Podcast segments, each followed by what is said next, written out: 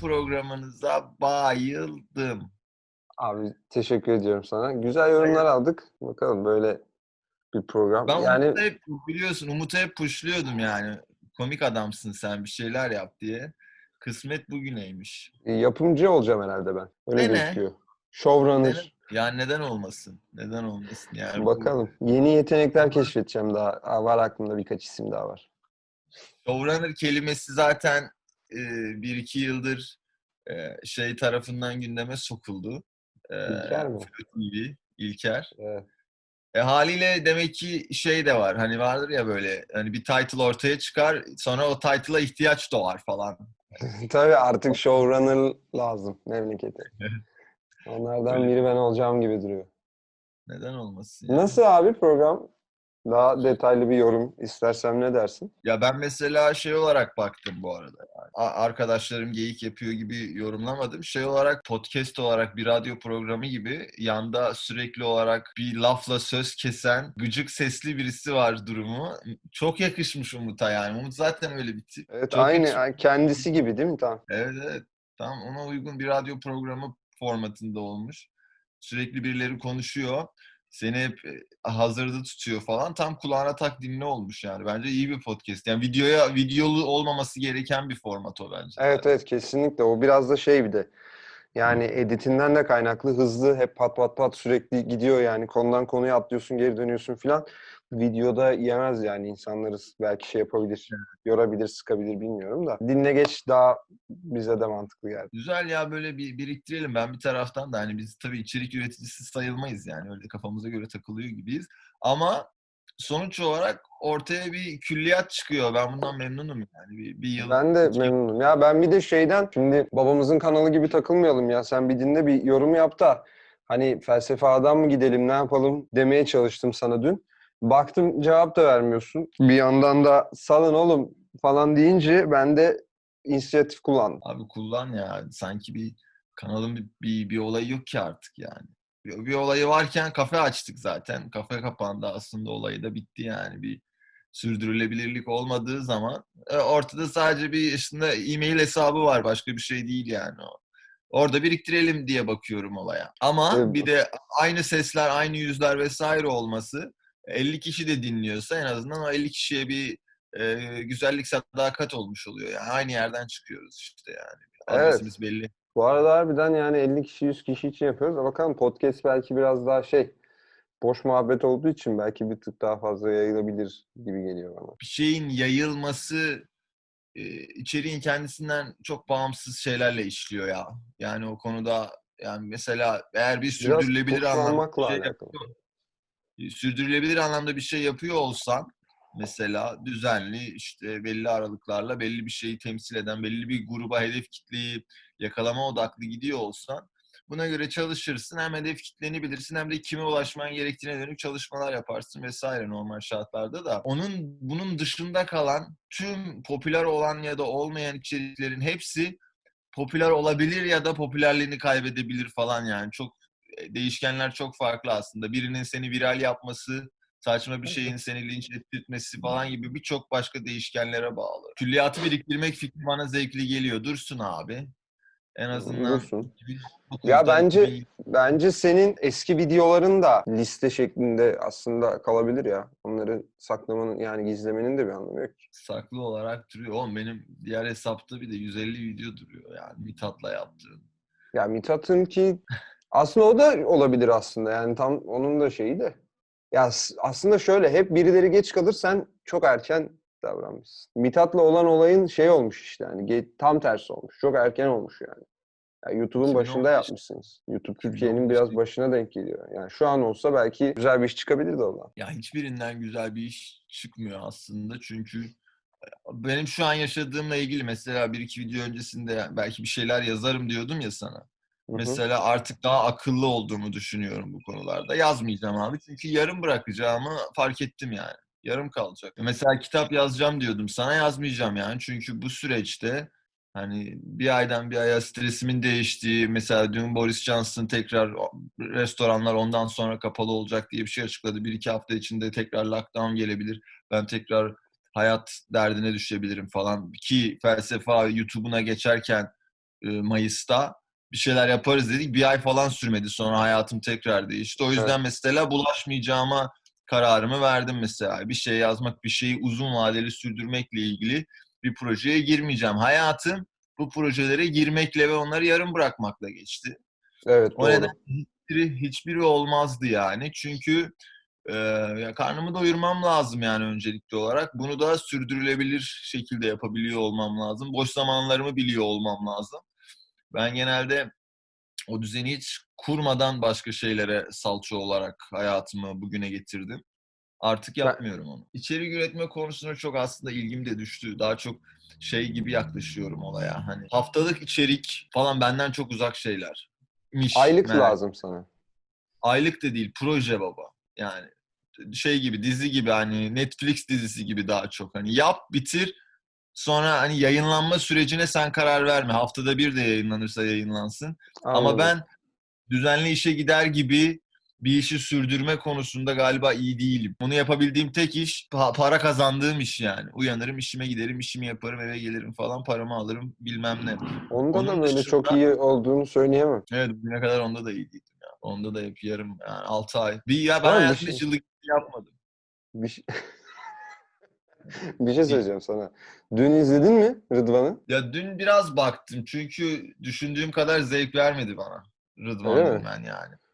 Yani sonra kısaltılmış videolara falan da baktım hani vurucu yerleri göreyim diye. Çok planlı. Hani resmen Evet. demişler ki hani birilerinin ipini çekin. Size okey diyoruz. Rahat rahat konuşun. O da Aynen öyle. Biz de biz de biz de öyle düşündük canım. Yani icazet alıp gelmiş olduğu çok açık. Yani Ama şey yani böyle ya. bir fitil fitil ateşledi gibi oldu. Yani herkes böyle birbirine girdi ya. Gece bir anda Ama çok keyifli. Yani mevzu da mevzu çok sinir bozucu aslında. Mesela şey gibi düşün. Birisi ortaya çıkıp bir şeyler anlattığı zaman e, bu dışarıdaki izleyici, seyirciler şey diyor. Lan bu adam çok dürüst, çok temiz bir adam. Bunu Evet. söylüyorsa doğrudur falan diye bir algı oluşuyor ya. Türkiye bundan o kadar uzak bir ülke ki. Hani böyle bir insan yok artık. Yani kimse Evet. çıkıp dürüst bir şey konuşmaz. Çünkü aşırı polarize olmuş bir ülke. Herkesin tarafı belli ya da niye yanladığı, ne için yanladığı ya da kime yanlayacağı belli.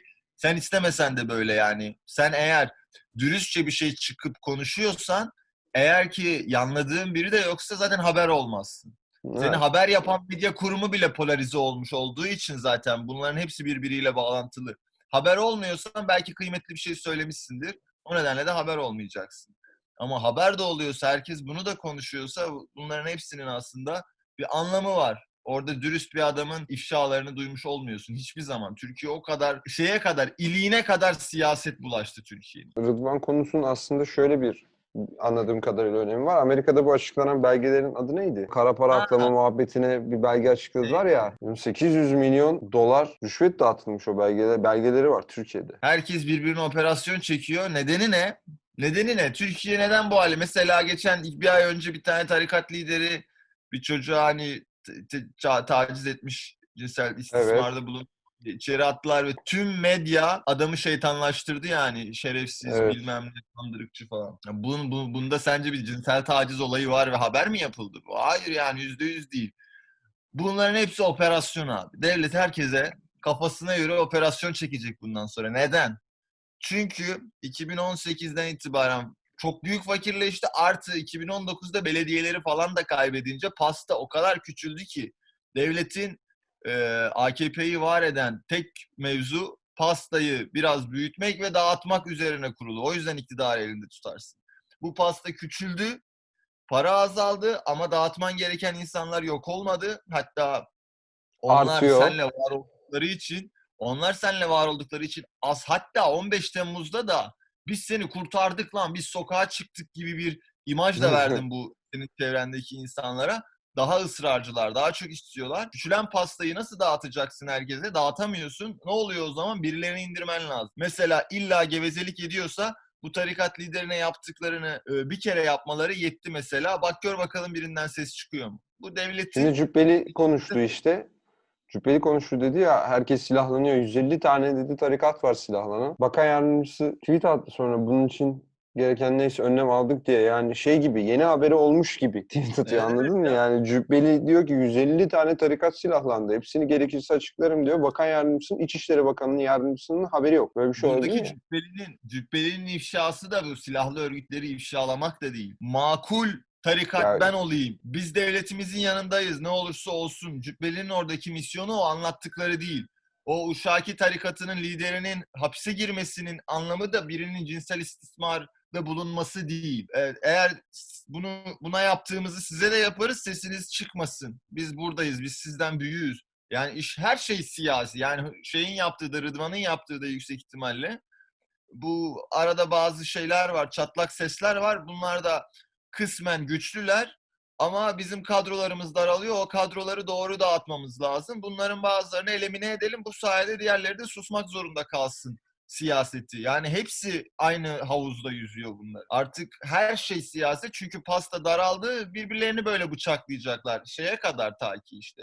Bu iktidar çökene kadar full bıçaklamalar olacak yani bu anlamda siyasi. Birbirlerini yemeleri aslında benim yani şu an baktığım açıdan o kadar da kötü durmuyor. Yani en azından bizim işimize gelir gibi. Çok fazla kirli çamaşır dökülecek bu sayede yani bunlar birbirini yerken. yararlandığım bir şey de olmuyor aslında böyle durumlarda yani. Ya Çünkü bana işte bana bu çöküşü hızlandırır gibi geliyor bu yani. Genelde böyle olmaz mı zaten? o tip şeyler olur da e, demoralizasyonu da daha fazla. Yani ülkede insan kalmayacak ya. İğrenecek insan. Her gün insanlar iğrenmeye devam ediyor Türkiye'den mesela. O iğrenme dozu farkındaysan çok arttı. iki yıl öncesine nazaran şu an çok farklı bir Türkiye var gerçekten. Çok hızlı değişti ya Türkiye. Yaşama pratiğini bayağı bayağı aşağı çekti yani kendi kendine. Çok fazla göç oldu ya. Türkiye'den çok insan gidiyor ya. Birini beklemezsin. O kişi zaten bir yerlerde bekliyordur yani. Her gidenin yerine birisini hemen hemen hemen doluyor. Zaten o kendi çıkıyor yani bir şekilde. Hayır yani zaten şu an gidenler iyi oluyor gitmesi. Türkiye'ye uzun vadede yarar getirecek. Yani benim yurt dışına gitmem iyi bir şey yani. Ben burada İngilizce öğrendim, kendimi geliştirdim. Bu donanımı Türkiye'de daha büyük şekilde kullanırım. Burada kazandığım paraları Türkiye'ye sermaye yapabilirim. Yani dış göç kötü bir şey değil uzun vadede. Kısa vadede kötü sonuçları oluyor yani kalifiye eleman eksiği oluyor ama uzun vadede aslında yararlı şeyler bunlar bir ülke için de. Şey kısmı kötü ama Türkiye'de bir şeylerin bir kendini yetiştirmenin bir anlamının olmaması çok kötü şey anlamında. Yani kadrolaşamayacaksın çünkü kadroları başkaları belirliyor. Bu şey düzeyine, özel sektöre falan da yansıdı yani. Özel sektör de çoraklaştı. İyi şirketin kalmadı yani. Anlatabildim mi? İyi şirketin Doğru. yok. Türksel bile devletin malı. Bütün bütün markalar devletleşti neredeyse yani. Çok saçma sosyalist bir rejime gider gibi olduk yani. İğrenç oldu ya her şey. Her şey iğrençleşti ya. Çok kötü. Ben bu kadarını tahmin kısmen ediyordum da yani bir de projelendirilmiş bir fakirleşme siyaseti yani Türkiye'ye geldi. Mecbur 600 aslında yani çok isteyerek değil de mecbur bırakıldı çoğu büyük şirket yani buna. Evet canım. THY de. THY de devlet olarak görülebilir ki şu an. öyle zaten. Güzel bir şirket Öyle- ama yani devlet. öyle. Mecbur mecbur kaldılar ama işte hani amiyane tabirle bugünler geçecek ve sike sike özelleşecekler yani. Ama senin mesela daha önce söylediğin iktidar değiştiğinde her şey zaten çorap söküğü gibi gelir. 3 yıl kötü geçer ama 5 yıla işler artık toparlanma seviyesine geçer dediğin o evreler normalden biraz daha uzun sürebilir bu sebep. Yani bu şirketlerin devletleşmesi işte sonuç olarak bu Türkiye ekonomisine en büyük katkı sağlayan şirketlerden bahsediyoruz ya biraz. Bu ekonominin tekrar ileriye dönük büyüme hamlesi gene bu adamların elinden geçeceği için bu biraz daha zorlu bir süreç olacak gibi geliyor bana. O yüzden. Yeni gelen iktidar neyi devralacağını bilmiyor. Haliyle nasıl bir politika yapacağını bilmiyor. Evet bir de kapalı kutu yani alacağın şey aç ne, ne çıkacak bilmiyorsun içinden. Ama bu Yani istek ve azim de görülmeye değer yani gerçekten. Hani şu an böyle bir gücün olsa iktidar olmaya çalışır mısın bilmiyorum yani. Ya Batı ile olan ilişkileri de iyice çöpe çevirerek gidiyor gibiler. Yani Yunanistan'la, AB ile, Amerika ile falan başladı. Bu kadar kötü e, dış politik ilişki bırakmak da iğrenç bir şey. Onların tekrar düzeltilmesi falan bunlar vakit alacak şeyler. Orada orada şöyle orada şöyle görülme ihtimali yok mu sence? Bunu böyle gene cahilce soruyorum ama yani sonuç olarak devletler iletişim halindeler. İşte görüşmeler yapıyorlar ve işte bazı politik görüşmelerin sonuçları çok kötü oluyor. Fakat Türkiye ve o X devlet Türkiye'yi bir bütün olarak ne kadar istese de göremez. Sonuçta muhatap aldığı kişiler değişiyor, yenileniyor. Zaten bir şekilde bu insanlar birbirlerini çok yakından takip de ediyorlar. Zaten şeyler hani hiçbir şey yapmasa bireysel olarak görüyor artık yani insanlar sosyal medyadan bile. Yani yeni gelen adamla yeniden masaya oturmak, öncekinin bıraktığı izi temizlemek o kadar zor gelmez diye düşünüyorum. Yok o kadar Güzel. zor değil ama hepsi iş. Hep bir iş var. Evet Yani tabii sıfırdan başlamak yani. Normalde şeydir ya mesela devlet politikası iktidar değişse bile bazı şeyler bellidir mesela. Dış politika genel anlamda bellidir. Diplomasi, büyükelçiler mesela dakika başı değişmez yani. Genellikle gittikleri yerde istemedikleri müddetçe kalırlar, emekli olurlar falan. O nedenle o ilişkiler çok kuvvetlenir. Adam herkesi tanır, herkesle e, iyi ilişkiler içindedir. Yeni gelen iktidarı tanıtır vesaire. Bu işler olur. Bu, bu iktidar her şeyi tümden değiştirdiği için her yere iş bıraktı. Yani Mozambik'te bile iş var şu anda iktidar değiştikten sonra yapılması gereken. Abi Büyükelçi bir de güven güven vermeli yani. O yüzden uzun süreli kalıyor yani. Herkes Evet. tanıyor adamı. Big Lebowski'yi sever misin? İzleyemedim. Yani açtım ve yarım bıraktım. E, Coen biraderlerle aran nasıl o zaman? Koan biraderlerden seninle konuştuktan sonra bir film izledim. Bayağı keyifliydi. Hangisiydi ya? Burn After Reading. Çok komik ya. Güzel. Güzeldi. Koan biraderler bende biraz şey çok hafif ama yani böyle çıtırdan böyle bir gayriçi havası mesela. O film bir gayriçi havası estirdi. Guy Ritchie Coen'lerin evladı yaşında. Yani Coen'ler bu işe 80'lerin Yok, yok. sonunda falan. 80'lerin Doğrudur o. bak- Yani şey şey anlamında söylemedim. Ben önce gayriçi izlediğim için bunu söylüyorum. Yoksa gayriçi onların öğrencisi olabilir. Doğrudur yani. Problem yok. Hani ben tarz olarak söylemeye çalışıyorum. Çok da değil ama yani Coen'ler Ben bir, bir, bir film izlediğim için o, o yorumu yapıyorum şu an. After ama- verir. Bir izleyeceğim yani listeme aldım. Ben biraz geç aldım galiba ama izlerim yani. Koen biraderleri. Çok orijinaller ya Coen'ler. Çok film var abi. Ben hiç film izlemiyorum ki ne zamandır ya. Çok film. Ben de. Ben de Tenet'i izlemedim daha. Son 2-3 filmini izlemedim zaten Nolan'ın ya. Interstellar'ı falan Abi ayıp sana. Ya Inter neyse bu konuyu açmayayım. Açmayayım burada boşu boşuna vakit öldürmeyelim de. Ayıp ya. Sinema galiba daha az ilgimi çekmeye başladı. Ben şeyci oldum artık. Magazin. 6 bölüm falanım. 6 bölüm. 7 bölüm. Anladın mı? Bir film değil. Bir film bana derinlikten uzaklaştırıyor beni. Derin gelmiyor.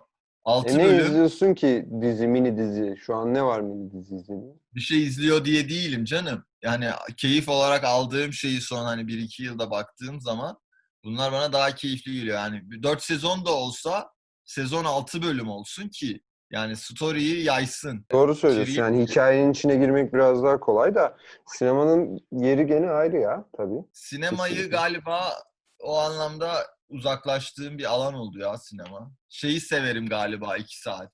Mesela Roma gibi filmi. Çünkü o zaman si- sinema bence biraz öyle gibi geliyor bana yani. Cuarón. Mesela izleyeceğim onu bak. Hatta bugün onu izleyeyim. Alfonso Cuarón değil mi? Evet, Roma çok iyi. Ama Roma mesela niye iyi? Çünkü sinemanın içinde bulunan işte ses, görüntü yönetimi, işte sanat yönetimi, işte o ilginç hareketler abi çok ilginç ya. Hani öyle bir kamerayı bir değiştiriyor falan. Böyle oluyorsun yani. Süper nasıl yakalamış falan. Bu iki saatlik bir yapıya sığdırılması gereken güzellikler ama storytelling anlamında bence 2 saat, 1 saat 30 dakika, 90 dakika, 80 dakika bunlar doğru formlar değilmiş. 6 bölümlük mini dizilerle falan 4 bölümlük... 20'şer dakika izlemek istiyorsun sen anladığım kadarıyla. 25'er dakika. Hayır. 25 dakika demiyorum. Bence 4 saat, 6 saat falan olmalı diyorum. İyi bir Hmm. story. Anladım, anladım. Okey, okey, aşağı tamam. Senin yani. derdin zamanla değil. Sen biraz daha vakit ayırmak istiyorsun ona ama tek seferde, tek solukta da gitmez yani 6 saat. O yüzden mecburen bölüm bölüm olacak. bölüm bölüm işte. O yüzden doğru format bence bir story anlatımı anlamında 5-6 saat yani. Çünkü 2 saat bence şey gibi düşünüyorum. Sinema büyük oranda 2 saate sığdırmak için bölüm kırma alanı. Sinema böyle bir şey yani. Y- 120 dakika ya da 145 dakika yapacaksın ya da 90 dakika yapacaksın. Haliyle elindekileri kırpman lazım oraya sığdırmak Doğru. için. Ben o nedenle sinemadan bir nevi uzaklaştım. Story duymak için. Mesela bir komedi ya da mesela bu Netflix'te Adam Sandler'ın başrol olduğu film vardı ya. Hani çok hızlı bir hikayesi var. Safdie Brothers'ların işte filmi. Neydi lan filmin adı? Bence anlamıştır e, dinleyen. Sen de anladın zaten. Mesela o çok iyi bir şey. Çünkü orada yeni bir form deneniyor. Hikaye durmuyor, akıyor ve o yoruculuk iki saat zaten. Hani orada denenen şey story'nin kendisinden ziyade konsept tür, yeni bir şey denendiğini hissettiğim Ya durum. teknik olarak da çok farklı bir film bu arada. Yani ben orada o filmde şeyi fark ettim mesela mikrofon kullanım. Evet, ses, Yani dış mesela- ses falan çok ilginç. Çok fazla çok fazla dış ses var yani şey gibi mi- Nolan filmi demin konuştuğumuz için örnek veriyorum. Oradaki o mükemmellik hiç yok. Sıfır yani böyle bir tane ne deniyordu onlara bu boom kamera şey boom mikrofon mu diyorlardı. Bir tane tutmuşlar öyle ortalığa birkaç tane Rahatsız gibi edici. yani. Evet Bilinçli evet bir rahatsız, rahatsız bili- bilinçli yapılmış bir böyle bir mikrofon hareketi de var orada yani. Film çok İşte gün- gün- gündelik gibi. Ama genel olarak işte filmlerden bu nedenle uzaklaştım. Uncut Gems. Uncut Gems aynen. Çok iyi filmdi ya. Ya beni biraz beni biraz sıktı ve orada açıkçası. Ya Film. sıkması önemli Ama- değil ki. Hayır, baştan sona bir tokatlama var filmde. Başka bir şey yok. Tokatlıyor seni sürekli yani. Bırakamıyorsun ne olacak? E, Kesin kötü şeyler olacak. Sürekli bu var ya. Bu sahnede patlayacak bu sahne diyorsun. Anlamsız bir gerginlik var sürekli yani En böyle. sonunda patlatıyor. En sona kadar diyor ki seni iyice sıkacağım, sıkacağım, rahatsız edeceğim falan. Bu çok zekice bir şey proje olarak baktığın zaman. Ama sinemaya baktığın zaman mesela bu projeyi sinemaya yapalım çat çat iki saat güzel. Daha fazla zaten olmaz bu. O bu bundan Evet. bir dizi de olmaz mesela anlatabildim mi? Bu ancak böyle olur. Ama bu fikir olarak güzel olduğu için böyle. Bunun dışında herhangi bir story işte adam kadınla tanışır, olaylar gelişir, adam kadınla ayrılır ve bitiş falan gibi bir şey olduğu zaman iki saat bence hiç zevkli değil. İkisini de tanıyamıyorum. Sadece hikayedeki o twistler, ilginç espriler, şakalar, güzel birkaç sahne yüzünden iki saat geçirmiş oluyorum. Ama bence aslında orada yaratıcının yapabileceği her şey e, bana beni doyuracak olan her şey çöpe gidiyor aslında. Ben benim karnımı Bu çok bir çok öz, öz- çok çok öznel bir yorum bu arada. Ama Bence sana de. şöyle bir soru sorayım bu madem bu kadar öznel konuşuyorsun. Buraya doğru bir evrilme düşünüyor musun sinemada sence ileriye dönük? Yani sinemadan ziyade artık bu günümüz yönetmenlerinin mini dizilere doğru evrilme ihtimali var mı sence? Yüzde bin. Yani yüzde bin var yani. Netflix o yüzden büyüyor zaten büyük oranda yani. David Fincher mesela böyle bir hamle yaptı. Herkes yapar. Neden yapar biliyor musun? Çünkü bir sinema filmi için harcadığın vakitle 6 bölümlük bir dizi, 10 bölümlük bir dizi için ayırdığın plato vakti yüksek ihtimalle aynıdır.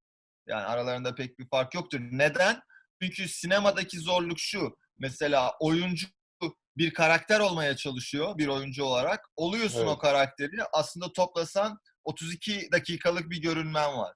Bu karakter 8 bölüm görünüyor olsa zaten o pratikle birlikte hem oyunculuğu daha çok sevecek hem de aslında tüy gibi kolaylaşacak o iş onun içinde. Yönetmen için de kolaylaşacak. Hani sürenin uzaması 6-7 saatlere 8 saatlik bölüm bölüm değil yani. 8 saat işte 8 bölüm diyebiliriz buna. Böyle bir şey olması üretim maliyeti açısından daha pahalı değil sinemadan. Böyle bir tarafı var bu işin. O nedenle bu işin içinde olan tüm emekçiler bundan rahatsızlık duymaz. Lan o kadar uğraştık ve altı üstü 2 saatlik bir şey ortaya çıkardıktan daha büyük bir fayda var burada. 8 bölüm var, 6 bölüm var ama aynı emek aslında. O yüzden kırpmalar sinemayı biraz tüm emekçilerini zorluyor bu anlamda bence. Orada yetişmesi gereken bir süre var ama işte dizide de aslında aynı süre. Ama şöyle düşünüyorum bir yandan. Ee, sonuç olarak işte 6 bölümlük bir dizinin süresi kadar sinema filmi çekiliyor aslında zaten. O anlamda dediğim belki doğru olabilir. Ama sinemanın gene kendine göre bir alanı kalacakmış gibi geliyor bana. Hani bu alan tür olarak nasıl evrilir, hangi türler devam eder onu konuda bilmiyorum yani. Şimdi bir sinema dediğin zaman bütün yapımlar için konuşamam şu an. Sonuçta atıyorum romantik komedilerin aynı şekilde, aynı hızlı devam edeceğini düşünmüyorum. Örnek veriyorum. Ama bazı türlerde mesela dramada olabilir. Bilim kurgu konusunda diziyi hala çok böyle kafamda çok oturtamıyor gibiyim. Yani bilim kurguyu oraya... Benim çok hala bilim kurgu sevmeme rağmen bilim kurgu dizileri çok nadir böyle keyif alıp Bence bilim izlediğim kurgu oluyor. için bu çok önemli bir alan. Çünkü bilim kurgunun maliyeti çok fazla. 2 saat için kullanmak çok kötü. Bilim kurgunun dizisel hali maliyetini düşürür. Düşürmez nasıl mi? düşürecek? Ya aslında şöyle şöyle bakman Aynen. lazım bu olaya. Yani efekt teknolojilerinin gelişmesiyle aslında bilim kurgu maliyetlerinin zaten düşeceğini düşünüyorum. Olmaz dayı. Platosuz olmaz bu iş. Her şey Doğru Plato Plato Plato dediğin şeyi de şeyin de maliyeti düşüyor ki. her şeyi yeşil ekranda yapacağız gibi her şeyi bir odada yapacağız. Bunlar e, yapılır, yapacaklar da yani bunu Yapıyorlar da. Ama oyunculuk, yönetmen mevzusunda biraz para harcamak ve bir şeyleri daha farklı, daha güzel yerlerde, daha bilinen yerlerde, daha ha- şey yani oyunculuğa müsait. Hani moda girmek vardır ya. Hani koltukta moda giremezsin yani. Aslında o alanda daha hızlı moda girersin. O yüzden maliyetli işler, e, maliyetli yönetmenler tarafından bu anlamda yapılacak. Bunun bir film için yapılmasından daha ucuza gelmiş olur dizi için yapılması. Çünkü dizi daha uzun soluklu, daha çok seyredileceği için, daha uzun süreli seyredildiği için parasını çıkarma şansı da artıyor yani. Sinemada Sinema bir kumar gibi. evet doğru zamanda doğru Ama yerde işte bazı hikayelerin sanki böyle aralıksız akıp sonunu bağlıyor olması gerekiyormuş gibi hissediyorum şu an düşündüğüm zaman. Ya bir hikayeye başladığın zaman bugün bir bölüm izleyeyim, işte yarın işim var, çarşamba işte perşembe günü bir bölüm daha izleyeyim de okey. Zaten yapıyoruz yani şimdi bunu eleştireceğim bir şey yok da. Bazı hikayelerin girdin hikayeye, başladın, bitirdin gibi bir şey olması gerekiyor anladın mı? O işte o aralıksız mesela soluksuz izliyor olman lazım. Bitirmen lazım bunu yani. Bu- Bunun Uncut ayrı bir keyfi var. Tamam işte ama- tamam bu ve işte türevleri. Bundan bahsediyorum yani. Bazıları böyle olmalı. bence. Ama Öyle de sadece proje Ben- hayır şu an yani senin söylediğin şey ama hani bu proje böyle olsun diyorsun. Ben diyorum ki sinemanın belli türlerinin belli hikayeleri, bazı hikayeler buna daha uygun olur. Bu şekilde devam etmeli, eder de diye düşünüyorum ben. Tabii ki eder. Yani etmez diye bakmıyorum. Sadece benim konuştuğum tarafın yani dizileşme 6 bölüm 8 bölüm mini diziye çevirme bir filmi onlara çevirme mevzusunun daha yaygınlaşacağını düşünüyorum. Bir. iki spin-off olayının çok artacağını düşünüyorum. Yani spin-off herhangi bir formatın içinden bir karakteri alıp onun hikayesini yeniden işte filmleştirmek, yapımlaştırmak mevzusu. Mesela bu anlamda Breaking Bad'i düşün.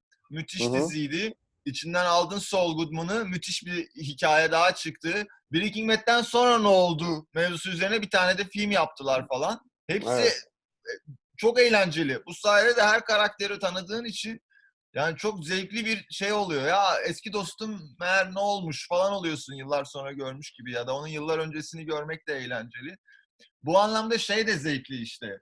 E, sinema mesela bu derinlikten uzak e, kalıyor bazen bazı durumlarda sınırlı süreye sahip olduğu için iki saate vesaire. Yani işte Saul Goodman'ın öncesi de ilginç, sonrası da ilginç olacak. Ya da işte bir karakterin o günlere, o, o filmdeki o sahneye gelmesi için neler yaşamış olması gerektiğine dönük storyler yazmak da var. Anladım yüzden Daha hayatın içinden oluyor aslında.